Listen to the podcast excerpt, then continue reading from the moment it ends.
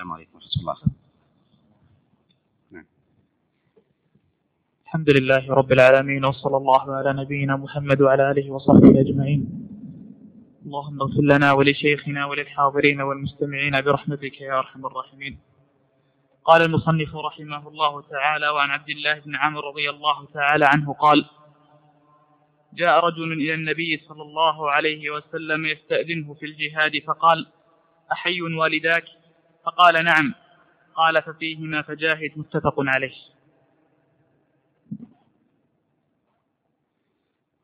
وقفنا هنا. قبله.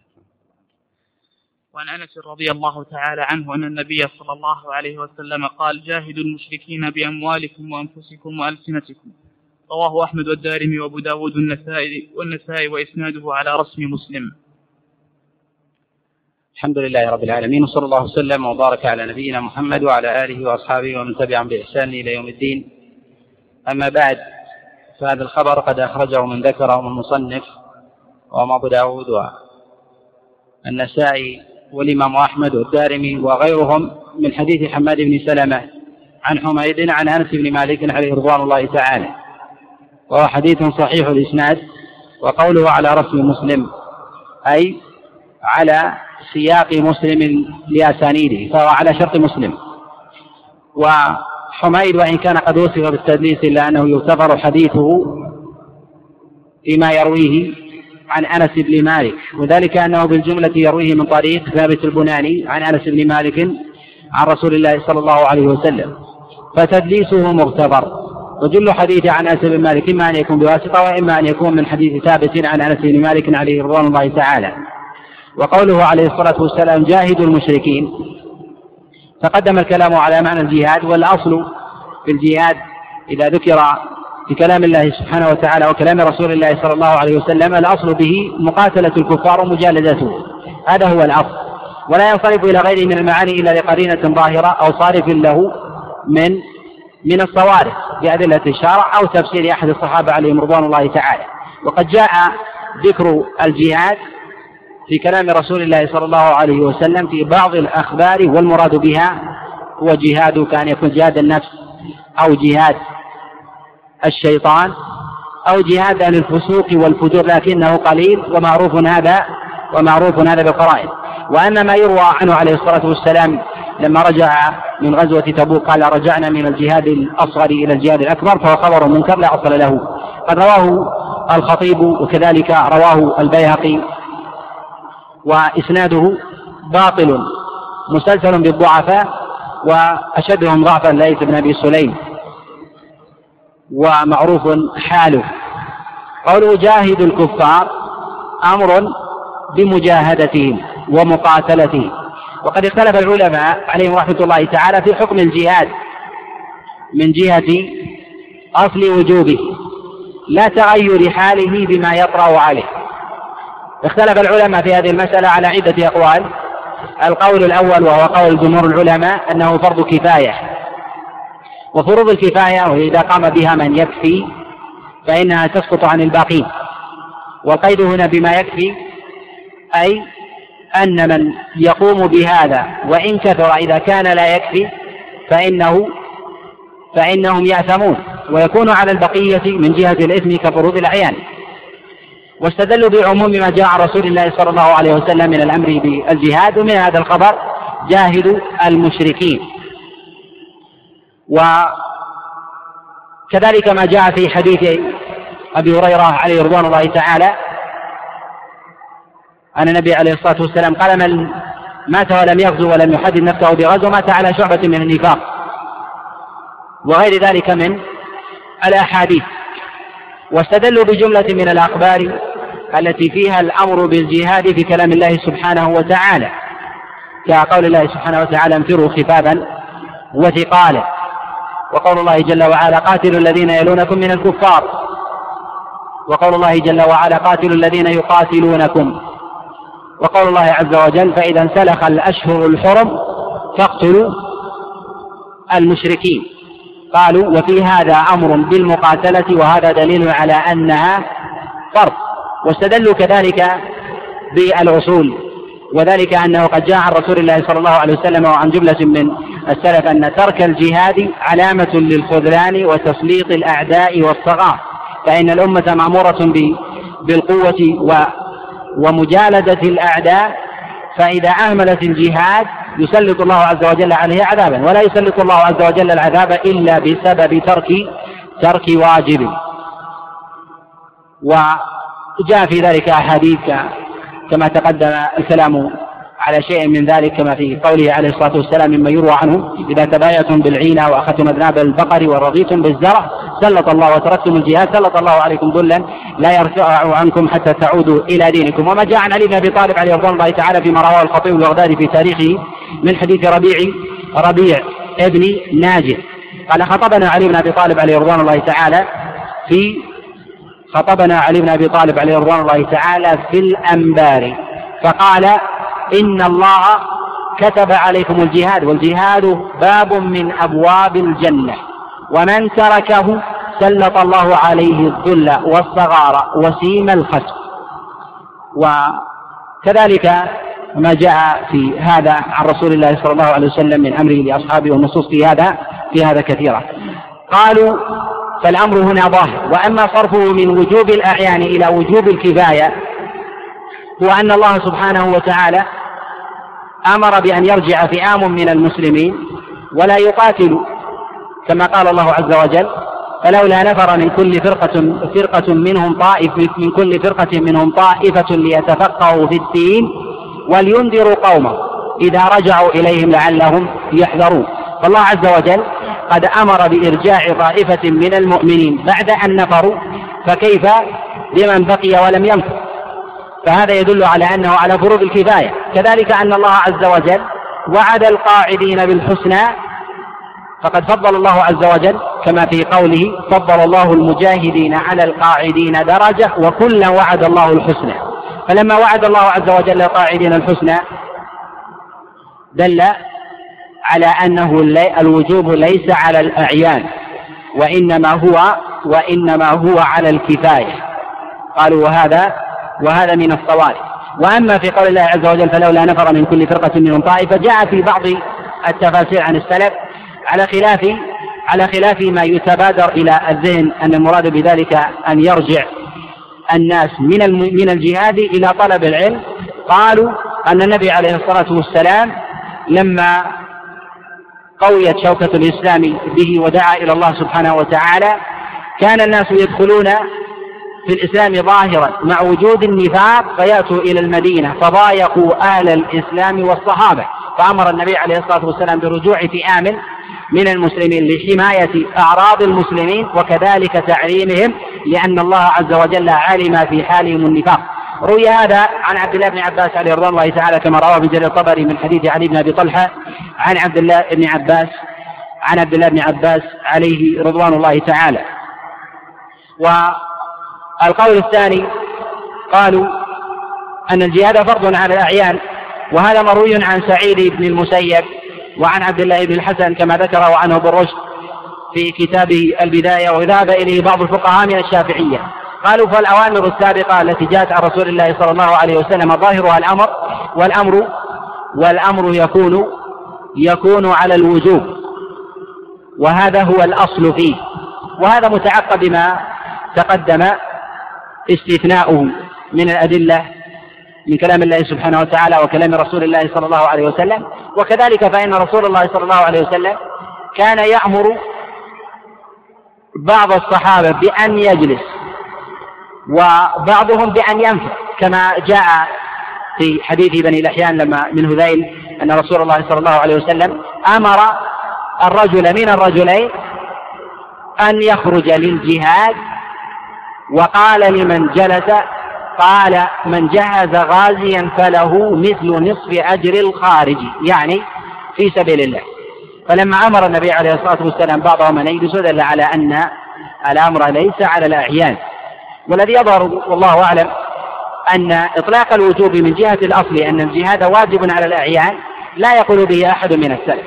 وأما ما يروى عن سعيد بن المسيب وغيره من السلف وما ذهب إليه بعض الفقهاء فلعلهم يريدون بذلك ما في حال دون حال كاستنفار الإمام أو مداهمة العدو أو ضعف الإسلام وحاجته إلى أن يتقوى ونحو ذلك. أما إطلاق الحكم بأنه فرض على الأعيان ونحو ذلك فهذا لا يستقيم. على من؟ من عرف الكتاب والسنة. ولهذا لا تكون الألفاظ عنهم عليهم رحمة الله تعالى عليهم رحمة الله تعالى صريحة. وقد ذهب عامة العلماء وعامة السلف وجمهور الفقهاء من الأئمة الأربعة وغيرهم إلى أن الجهاد فرض كفاية وليس فرضا على الأعيان. ذهب إلى هذا الإمام مالك عليه رحمة الله تعالى وكذلك وكذلك أبو حنيفة والشافعي والإمام أحمد عليهم رحمة الله أنه على فروض الكفاية من جهة الأصل. وقد ينتقل من هذا الحكم إلى غيره بحسب بحسب مصلحة الأمة. وهذا وهذا من جهة من جهة الأصل.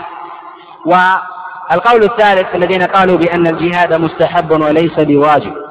لا على الكفاية وعلى ولا على على, على العيان. هذا روي عن جماعة من السلف ومروي عن عبد الله بن عمر وعن عطاء بن أبي رباح وعن عامر بن دينار وقال به ابن شبرمة قال ابن شبرمة كما نقله عنه ابن عبد البر في كتابه الاستنكار قال الجهاد ليس بواجب إلا إذا احتيج إلا إذا احتيج إليه. وهذه النقول عن عبد الله بن عمر وعطاء وعمرو بن دينار وغيرهم وحمل بعضهم أنهم يريدون بذلك الاستحباب وعدم الوجوب يقال أن هذا فيه نظر. فإنهم قالوا ذلك في مقابل من قال أنه فرض على الأعيان. في حالة وهو إذا داهم عدو بلدا من بلدان المسلمين واحتاجوا إليه واحتاج الناس واحتاج الناس من أهل هذا البلد إلى المسلمين. قال بعض العلماء أنه يجب على عامة المسلمين أن ينفروا.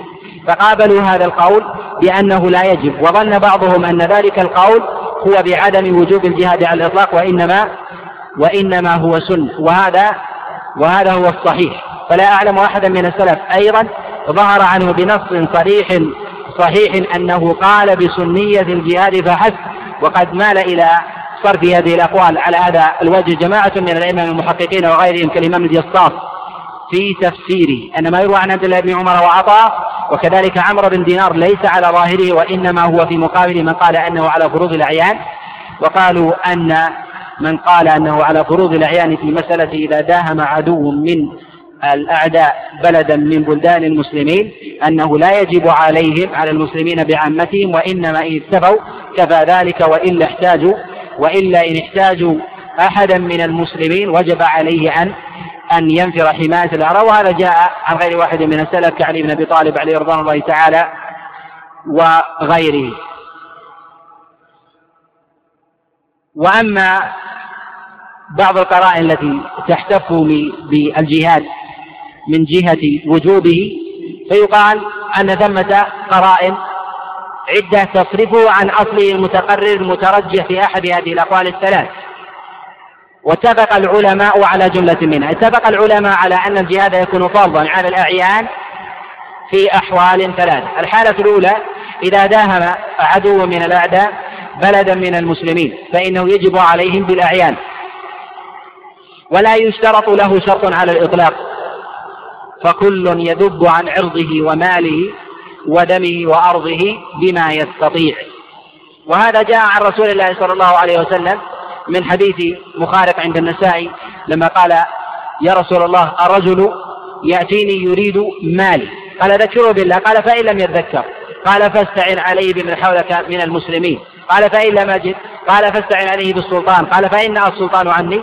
فقال دافع عن مالك عن مالك حتى حتى تدفع تدفع عن مالك أو تقتل وتكون من شهداء الآخرة. وهذا حديث حديث لا بأس بإسناده.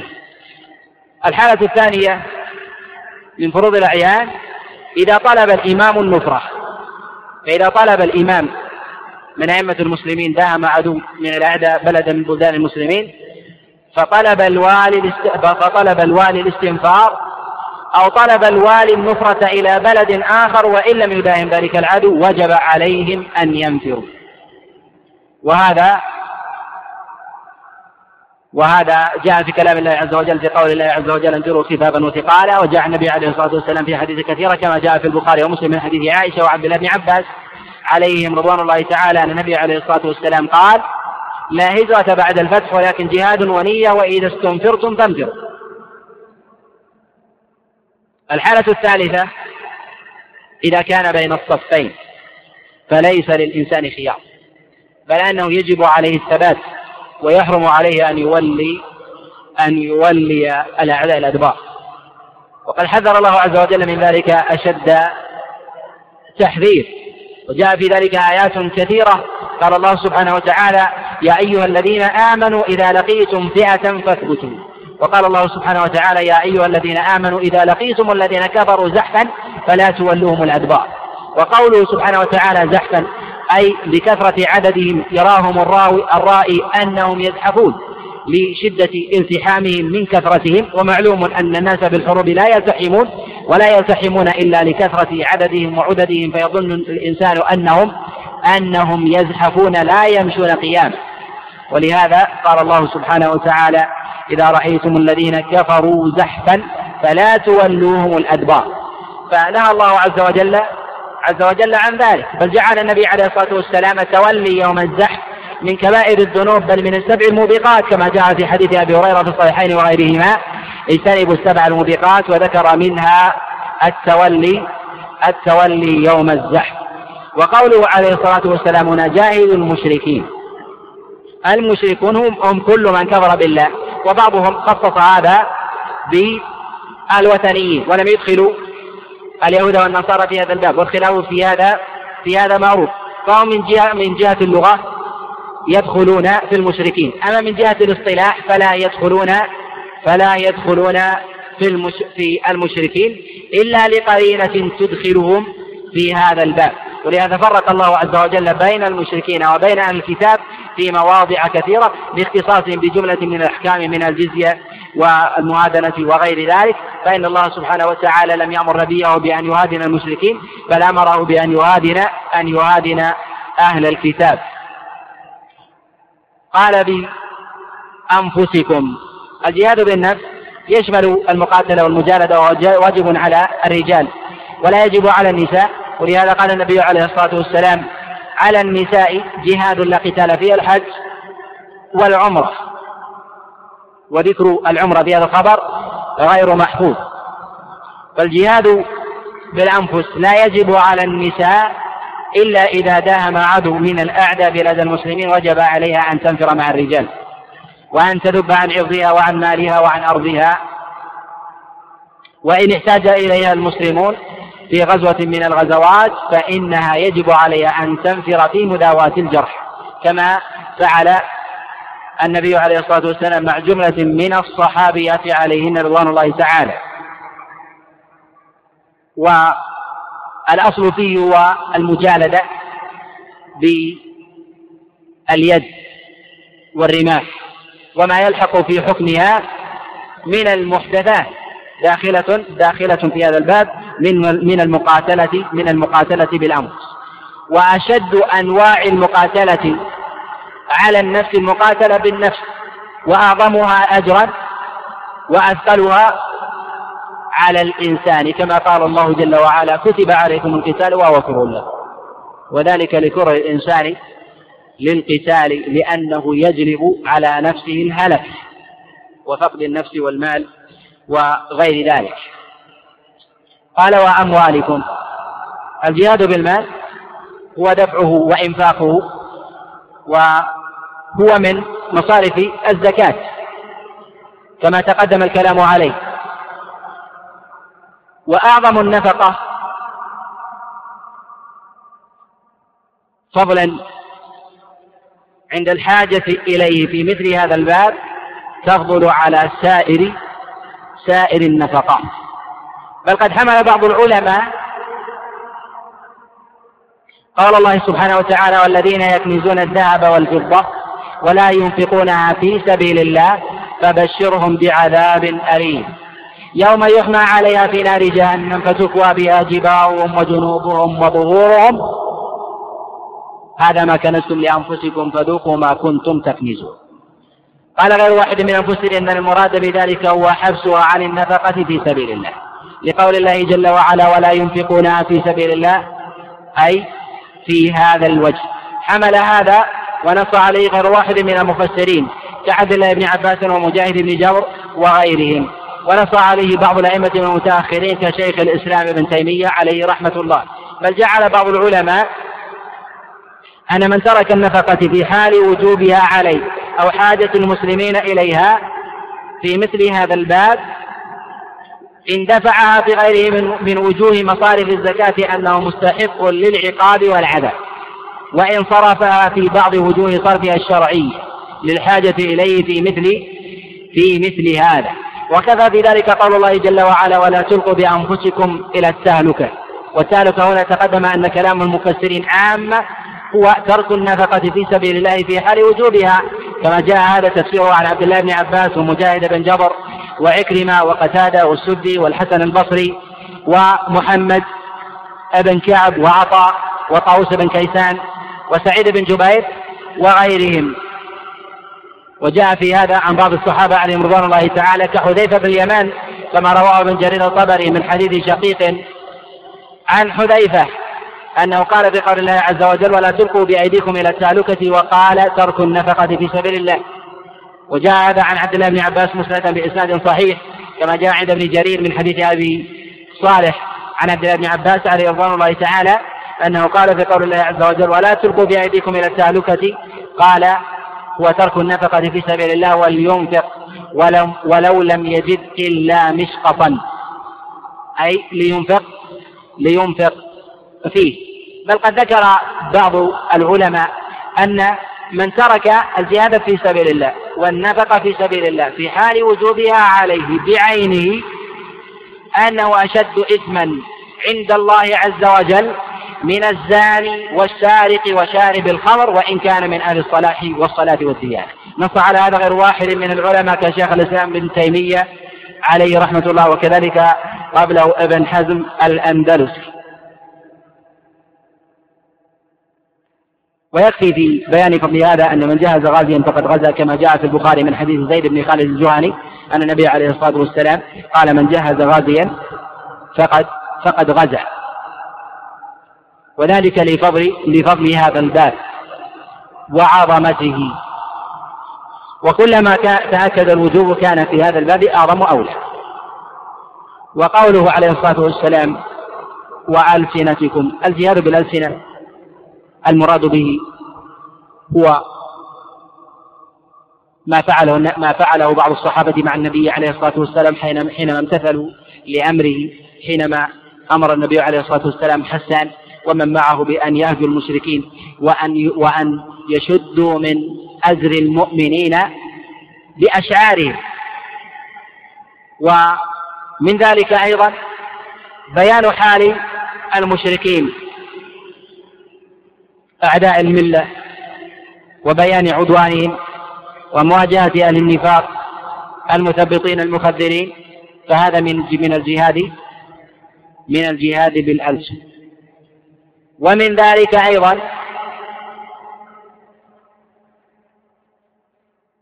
حبس اللسان عن قول الباطل إذا عجز الإنسان عن قول الحق. هذا من وجوه الجهاد أيضا. ومن وجوه أيضا أن لا يؤتى الإنسان الإسلام من قبله في هذا الباب وغيره. وقد ذكر بعض العلماء أنه إن اضطر الإنسان في حال تقوية الأمة والإثخان بالعدو أنه يسوغ له الكذب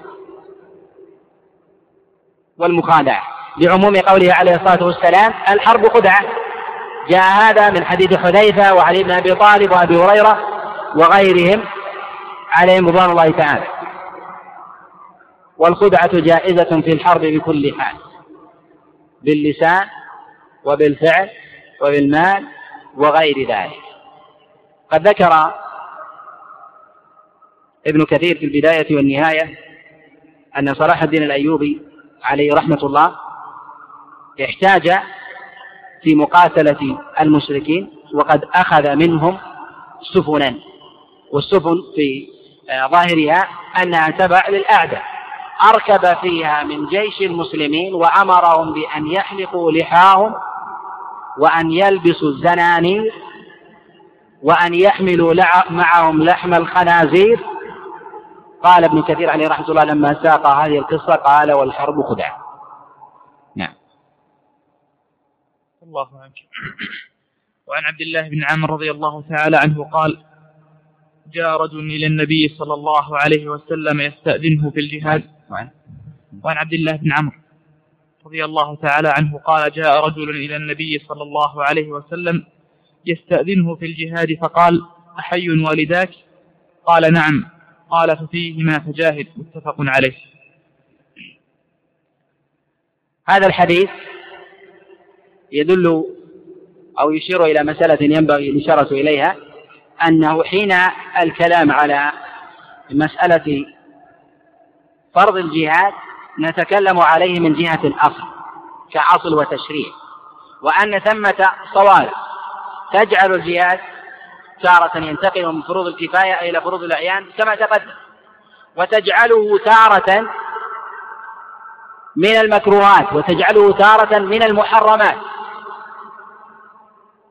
ولهذا النبي عليه الصلاة والسلام رد بعض الصحابة عن الجهاد إلى طاعة الوالدين وأمر الله عز وجل برجوع فئام من المجاهدين إلى المدينة ليتفقهوا في الدين ولينذروا قومهم إذا رجعوا إليهم لعلهم يحذرون.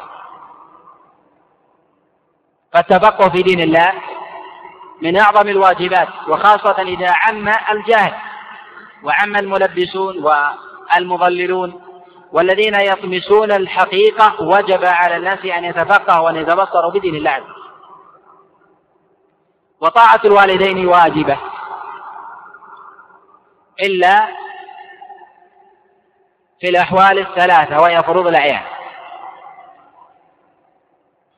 ويجب عليه أن يستأذن من والديه قبل خروجه. وإن منعه وإن منعه والداه يجب عليه أن يمتثل وإن خرج فهو آثم لظاهر النص. فالنبي عليه الصلاة والسلام في حال استنفاره أو في حال لحوق بعض المؤمنين معه إرجاعهم إليه يدل على أنه أرجعهم إلى أمر واجب أو متأكد الحق. إضافة إلى أن الله سبحانه وتعالى قد قارن طاعة الوالدين بطاعته وعبادته سبحانه وتعالى. وقضى ربك ألا تعبدوا إلا إياه وبالوالدين وبالوالدين إحسانا.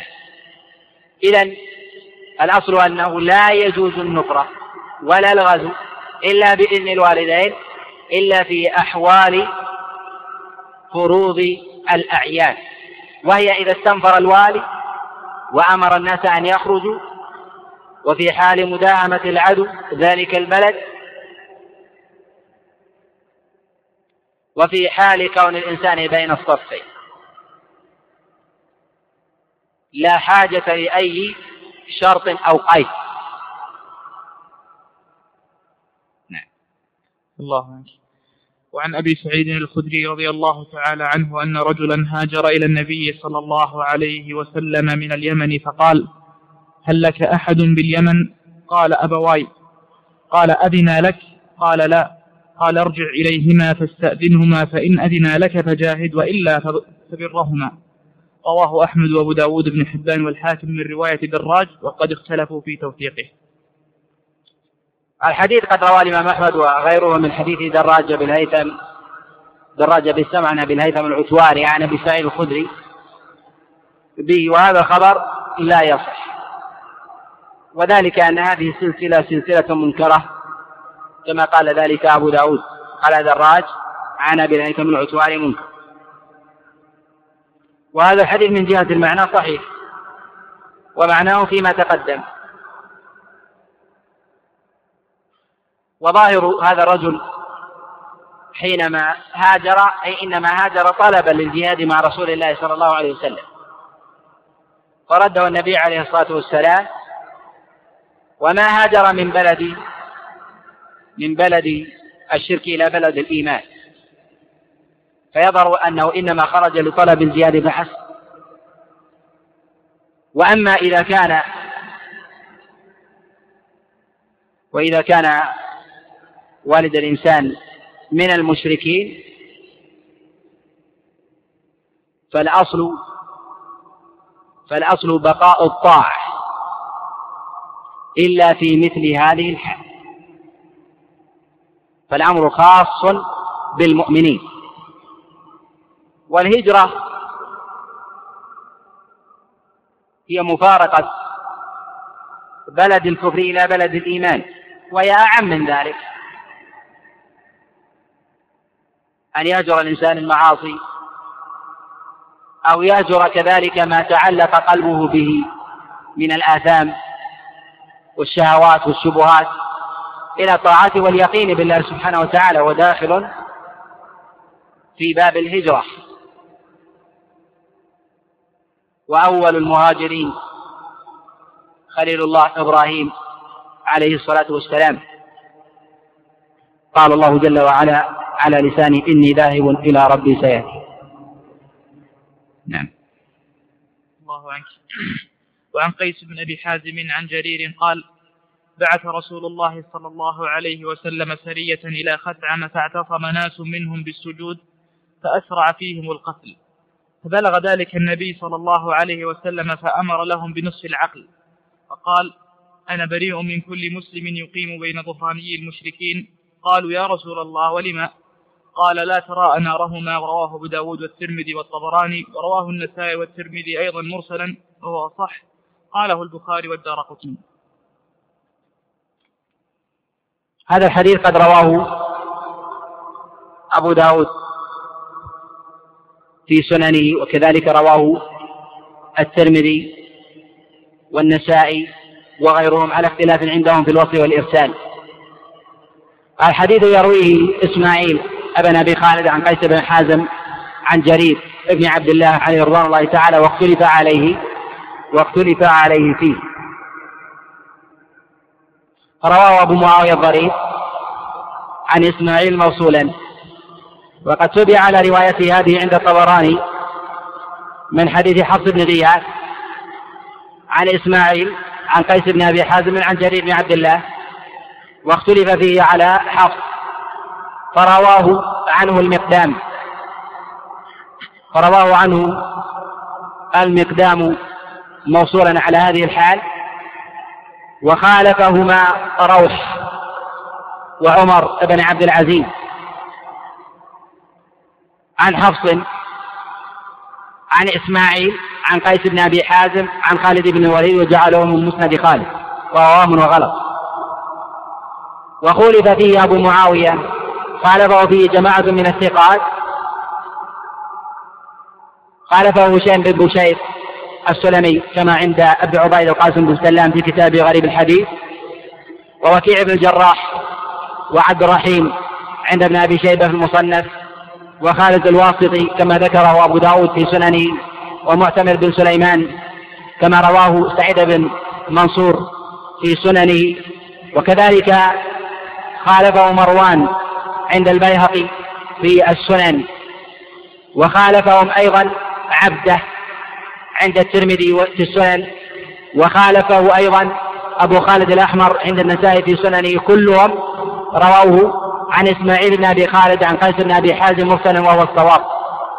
جزم بصحة المرسل جماعة من النقاد بل هو حكم عامة النقاد. جزم بذلك البخاري كما في كتابه التاريخ ونقله عنه أيضا الترمذي في السنن.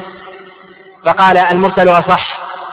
وكذلك قاله الترمذي في سننه وقاله أبو حاتم المرسل أشبه. وكذلك البيهقي في كتابه معرفة السنن والآثار. قال والإرسال والإرسال أصح. وكذلك الدار قطني وغيرهم. فهذا الخبر لا يصح من جهة الإسناد. وهو مشهور.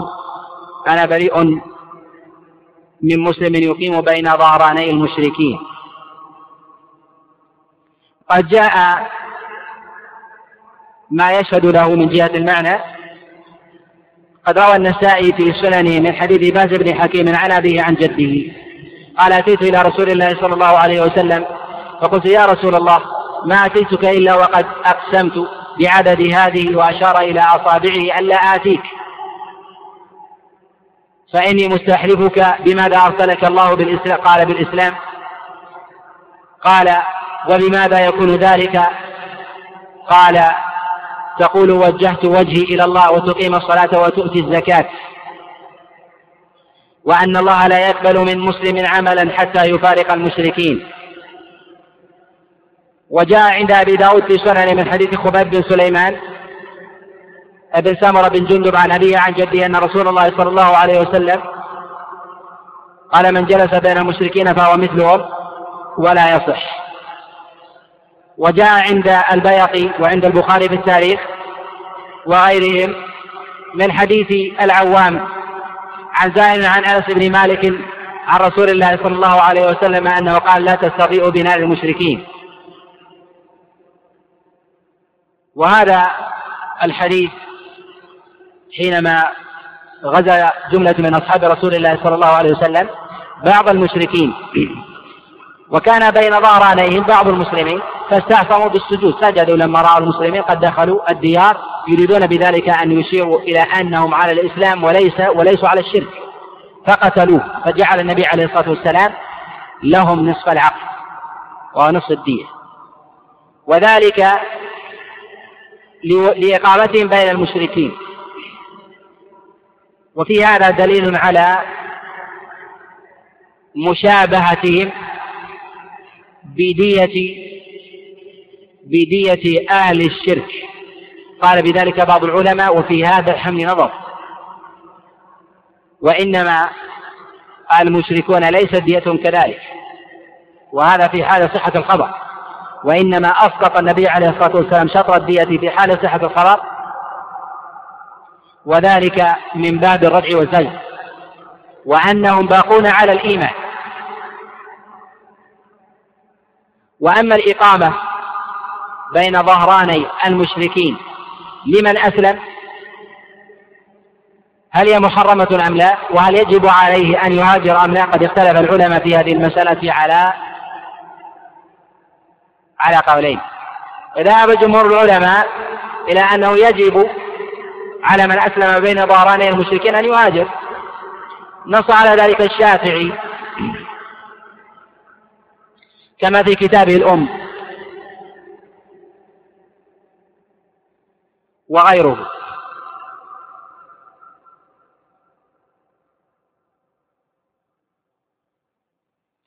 واستدلوا بهذا الخبر وكذلك بحديث معاوية بن حيدة المتقدم وبحديث أنس بن مالك وغيرهم.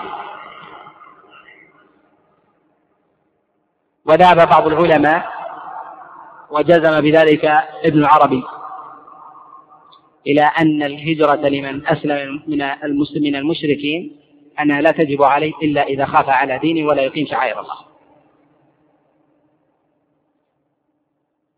وهذا القول هو الصواب.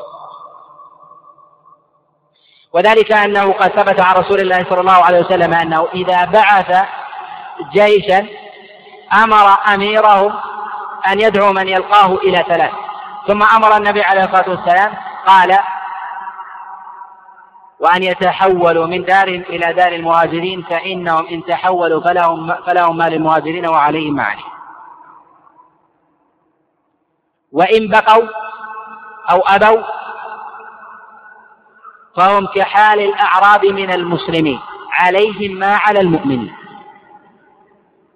فلم يشد النبي عليه الصلاة والسلام في هذا. وأما ما يستدل به بقول النبي عليه الصلاة والسلام لا هجرة بعد الفتح انقضاء الهجرة بعد الفتح. قال ولكن جهاد ونية. فحمل بعضهم من قال بهذا القول على أن الهجرة قد انتهى أمرها ولهذا رسول الله صلى الله عليه وسلم لم يأمر من أسلم من المؤمنين من العرب وغيرهم أن يبقى بين أهله وذويه من المشركين. وما أمر النبي عليه الصلاة والسلام أحدا بعينه الاستدلال بهذا الحديث ظني وليس وليس بصريح. فلعل المراد بقوله لا هجرة بعد الفتح يعني إلى من مكة إلى المدينة أو إلى غيره. لما فتحت مكة لا هجرة بعد الفتح. من جهة ترتب الأجر والفضل وغير ذلك. إلا أنه يتأكد بالاتفاق أن ينصرف من أسلم من المشركين. عن ظهراني المشركين إلى إلى بلاد المسلمين. وهذا متأكد باتفاق العلماء لكن اختلفوا في الوجوب فإذا كان يقيم دينه ويظهر شعائره فلا يجب عليه أن يهاجر. وهذا هو الظاهر من فعل النبي عليه الصلاة والسلام. وكذلك أصحابه.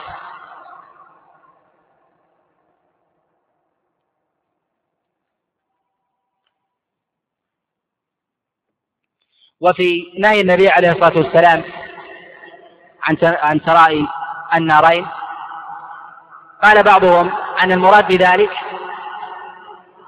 هو أن يبتعدوا عن المشركين قدر إمكانهم وقدر وسعهم فلا يختلطوا معهم فلا يروا نار المشركين حال إيقادها فإن النار هي علامة على على الإيناس والأمن كما في قصة موسى عليه الصلاة والسلام. فأمر بأن يبتعد المسلمون عن بلاد المشركين بقدر ألا يروا ألا يروا نارهم حال إيقاده وذلك لشدة المفارقة والمباعد وهذا يدل على على التأكيد.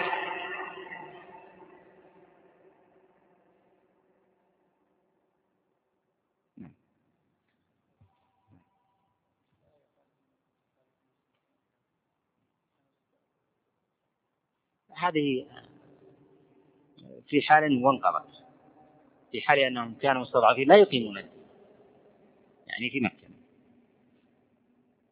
الله عنك والآن يظهر في تغير الحال في بلاد في بلاد آه، المسلمين وفي بلاد غيرهم أيضا ما يتعذر على المسلم المهاجرة. فالمسألة لا تتعلق بأنه يحمل متاعه ثم يغادر الآن أصبحت الحدود وأصبحت الرسميات وغير ذلك فيما يتعذر على المسلمين الهجرة. فيقال إذا كانوا في بلد مشرك ويقيم دينه ويظهر الشعائر لا يجب عليه أن يهاجر وإن وجد موضع من مواضع المسلمين أن يهاجر إليها فيستحب له أن يهاجر كعمل ونحو ذلك يجد له كفيلا ونحو ذلك أن يهاجر إلى بلد الإسلام.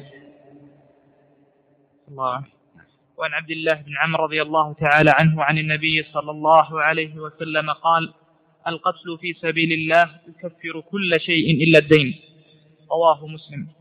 وروى ابن ابي عاصم الشهادة تكفر كل رواه الإمام مسلم من حديث الكتباني عن عبد الله بن يزيد عن عبد الله بن عامر وقوله القتل في سبيل الله يكفر كل شيء إلا الدين.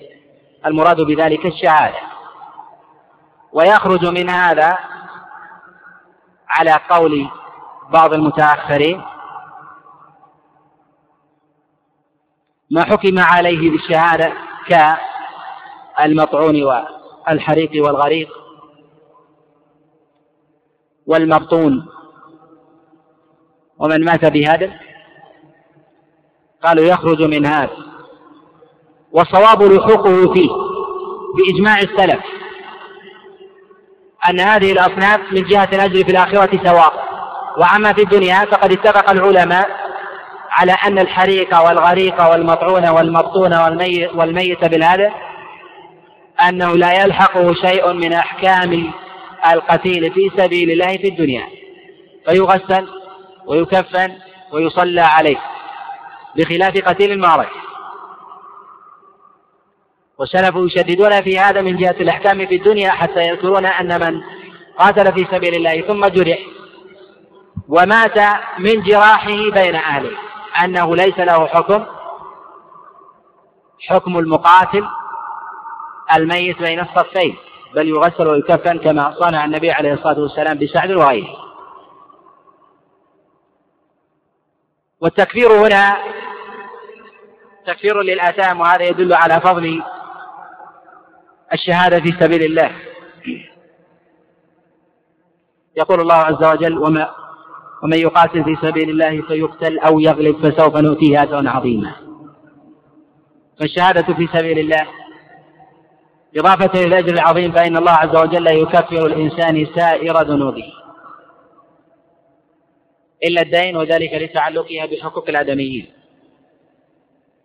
ويدخل في الدين الحقوق المغتصبة كالسرقة والغصب ونحو ذلك فإنها لا تكفر.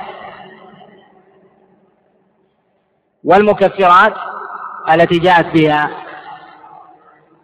الشريعة كتابا وسنة هي الاستغفار والتوبة والحسنات التي تذهب السيئات. استغفار الغير الأذى والمصائب والأمراض والهم والحزن. دعاء الغير للإنسان مشيئة الله عز وجل. فتنة القبر. عرصات يوم القيامة. كلها من جملة المكفرات فكلها لا تأتي على الحقوق الخاصة فهي مبنية على المشاحة.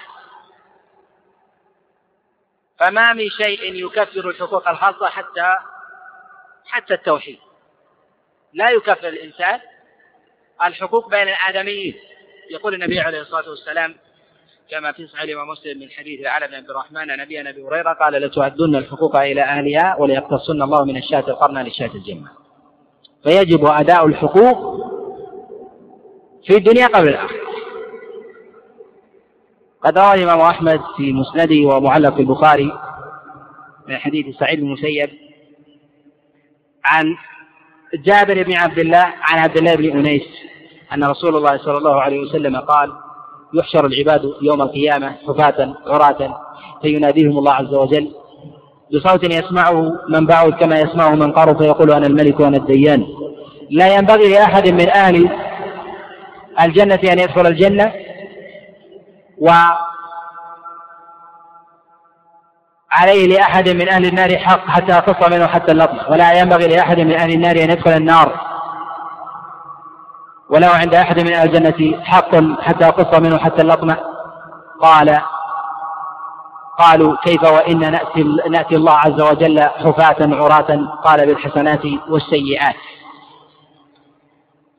وهذا ما يجهله كثير بل ربما يخفى على بعض الصالحين كما قد خفي على بعض الصحابة عليهم رضوان الله تعالى حينما نباهم كما جاء في صحيح مسلم حينما قال عليه الصلاة والسلام ما تعدون المفلس فيكم؟ قالوا المفلس فينا من لا دينار له ولا متاع. قال النبي عليه الصلاة والسلام المفلس من يأتي يوم القيامة بأعمال كالجبال.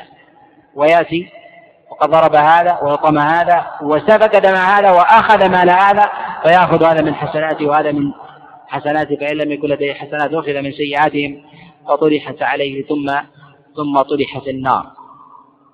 يريد المصنف عليه رحمة الله تعالى بإيراد لهذا الخبر بيان أهمية حقوق الآدميين فيما يتعلق بالدماء وهي الجراحات والقصاص أنها لا يكفرها شيء إلا القصاص في الدنيا أو العفو المسامح أو الديات والأعراض من الوقيعة بالأعراض بالاستحلال على قول البعض والأموال بإعادة الأموال إلى أهلها أو الاستحلال. وإلا يوم القيامة القصاص يكون بالحسنات والسيئات. ذكر بعض الفقهاء أنه ينبغي لمن كان عليه دين ألا يجاهد حتى يدفع عليه أو أن يستأذن من غريمه وهذا هذا ظاهر. وذلك أنها لا تكفر ومعنى الاستئذان ليس أنه رقيقا عنده ولكن لكي يأذن له إن قتل فيعفو عنه. وأما مجرد الاستئذان من غير عفو في حال الوفاة لا حاجة إليه وليس هو المقصود. وأما وجوب الاستئذان فليس بظاهر هنا ولم يقل به أحد من السلف لا من الصحابة ولا من التابعين. نعم. الله عنك. وروى ابن أبي عاصم الشهادة تكفر كل شيء إلا الدين والغرق يكفر ذلك كله. في رواة في رواته ما يجهل حاله.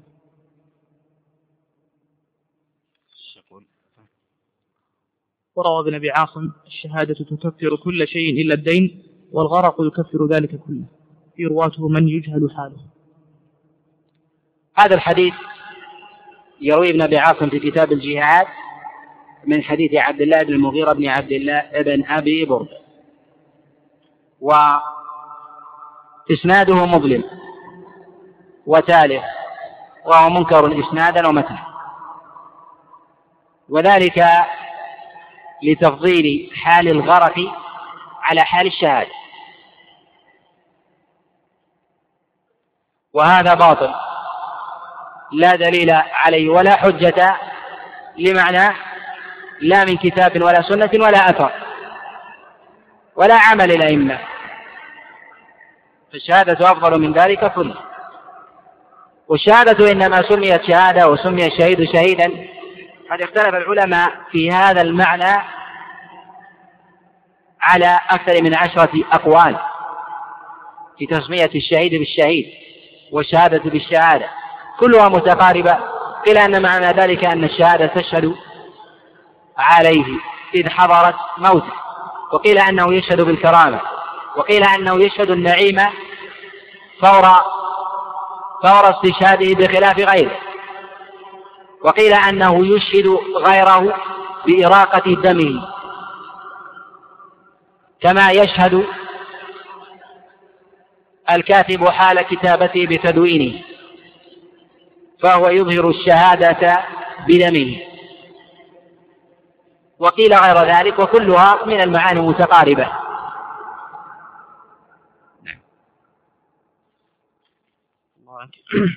وعن البراء رضي الله عنه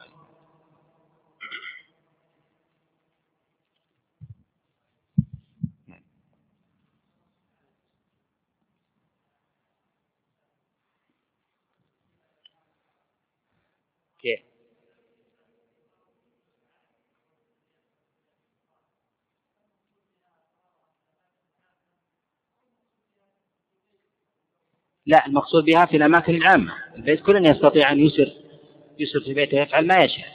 يظهر الشعار في بيته. كلمة المرأة تظهر حجابها وإذا منعت من الحجاب واستطاعت الهجرة يجب عليه أن تهاجر.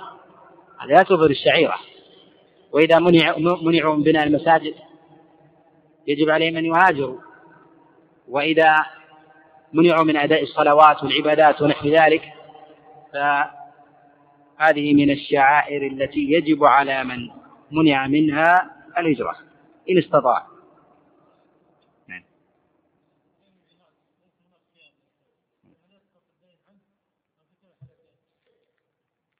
ما يسقط أبدا. لأنه فرط. يجب عليه أن يدفع. نعم. نعم.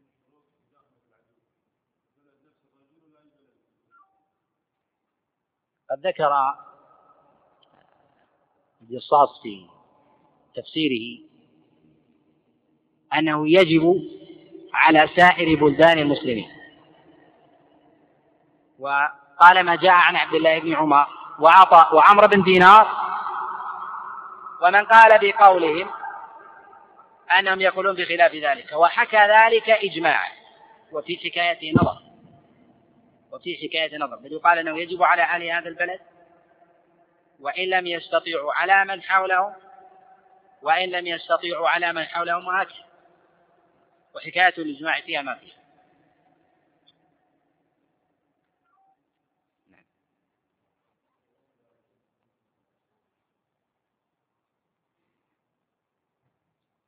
يتأكد ويستحب. لكن مسألة الوجوب لا تجب على الإنسان إلا إذا كان في سفره هذا تفريطا في حقوقه.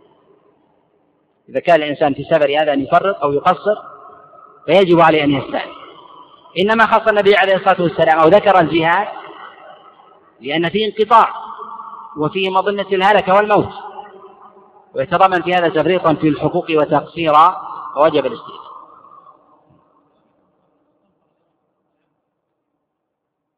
الدين؟ لا الدين يبقى كيف مفرط يدفع. يبقى الديون لا بد من أدائه. يوصي غيره. يوصي أهل ذريته أن يدفعوا عنه. النبي عليه الصلاة والسلام قال لتؤدن الحقوق إلى أهلها ولا يقتصن الله من الشاة القرن للشاة الجنة. القصاص حتى على البهائم. من يقول أن البهائم ليست مكلفة على الإطلاق هذا غلط. البهائم مكلفة فيما بينه. تحيا يوم القيامة ويقتص من بعضها البعض ثم تكون يقال كن سرعة العدل. النبي عليه الصلاة والسلام يقول كما في الصحيح حديث سعيد قال من كان آه، عنده مظلمة لأخيه فيتحلل منها من قبل أن يأتي يوم لا دينار فيه ولا ولا درهم.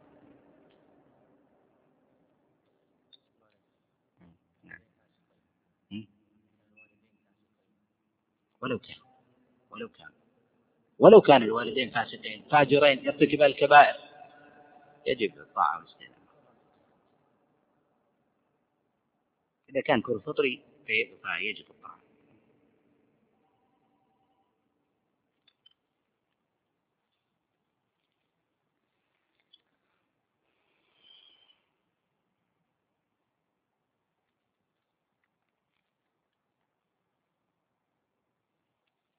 هل الشهداء يدخلون الجنة قبل غيرهم.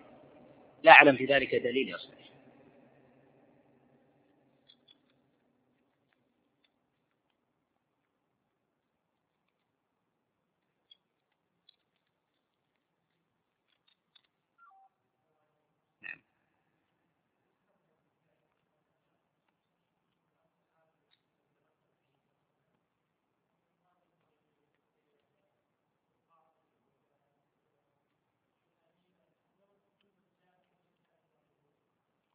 لا أما من من عرف حالهم النبي عليه الصلاة والسلام لا يسألهم باعتبار معرفة الحكم لكنه لما جاء من بلد النائي كان في ظاهر حاله أنه لا يعلم أحكام النبي عليه الصلاة والسلام التي أخبر بها أهل هذا البلد. فالغالب أنه يجهل هذه الحال ولهذا خصه بهذا السؤال. ولا يخص سائر الناس بمعرفتهم الأحكام الشرعية.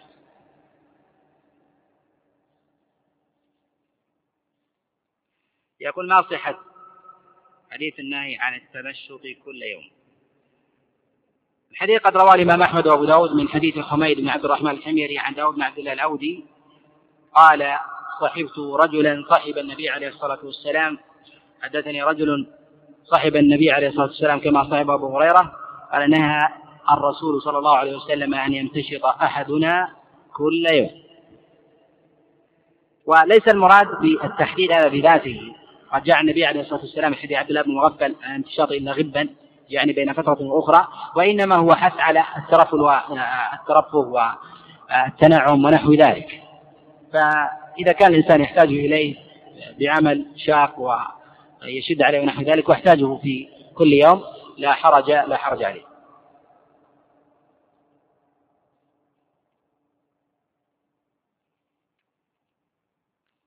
يقول ناصح الحديث لا يسمع به. يهودي ولا نصارى ثم لا يؤمن به حديث رواه الإمام مسلم.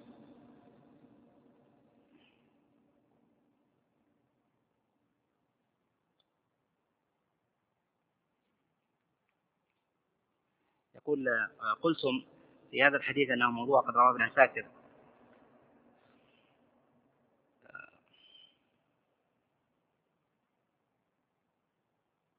في قوله أنه يأتي أقوام لا جهاد الحديث الذي رواه ابن عساكر لا يصح من جهة الإسناد. نعم له بعض الطرق. قد رواه الطبراني في معجمه من حديث يزيد بن أبي زياد الرقاشي عن أنس بن مالك وجاء أيضا عند ابن عساكر في تاريخ دمشق عند أبي عمرو الداني من حديث عبد الرحمن من حديث عباس عن يحيى عن عبد الرحمن بن زيد عن أبيه مرسلا عن رسول الله صلى الله عليه وسلم. وهو مسلسل بالضعفاء ولا يصح بمجموع طرقه والله أعلم صلى الله عليه وسلم وبارك على نبينا محمد.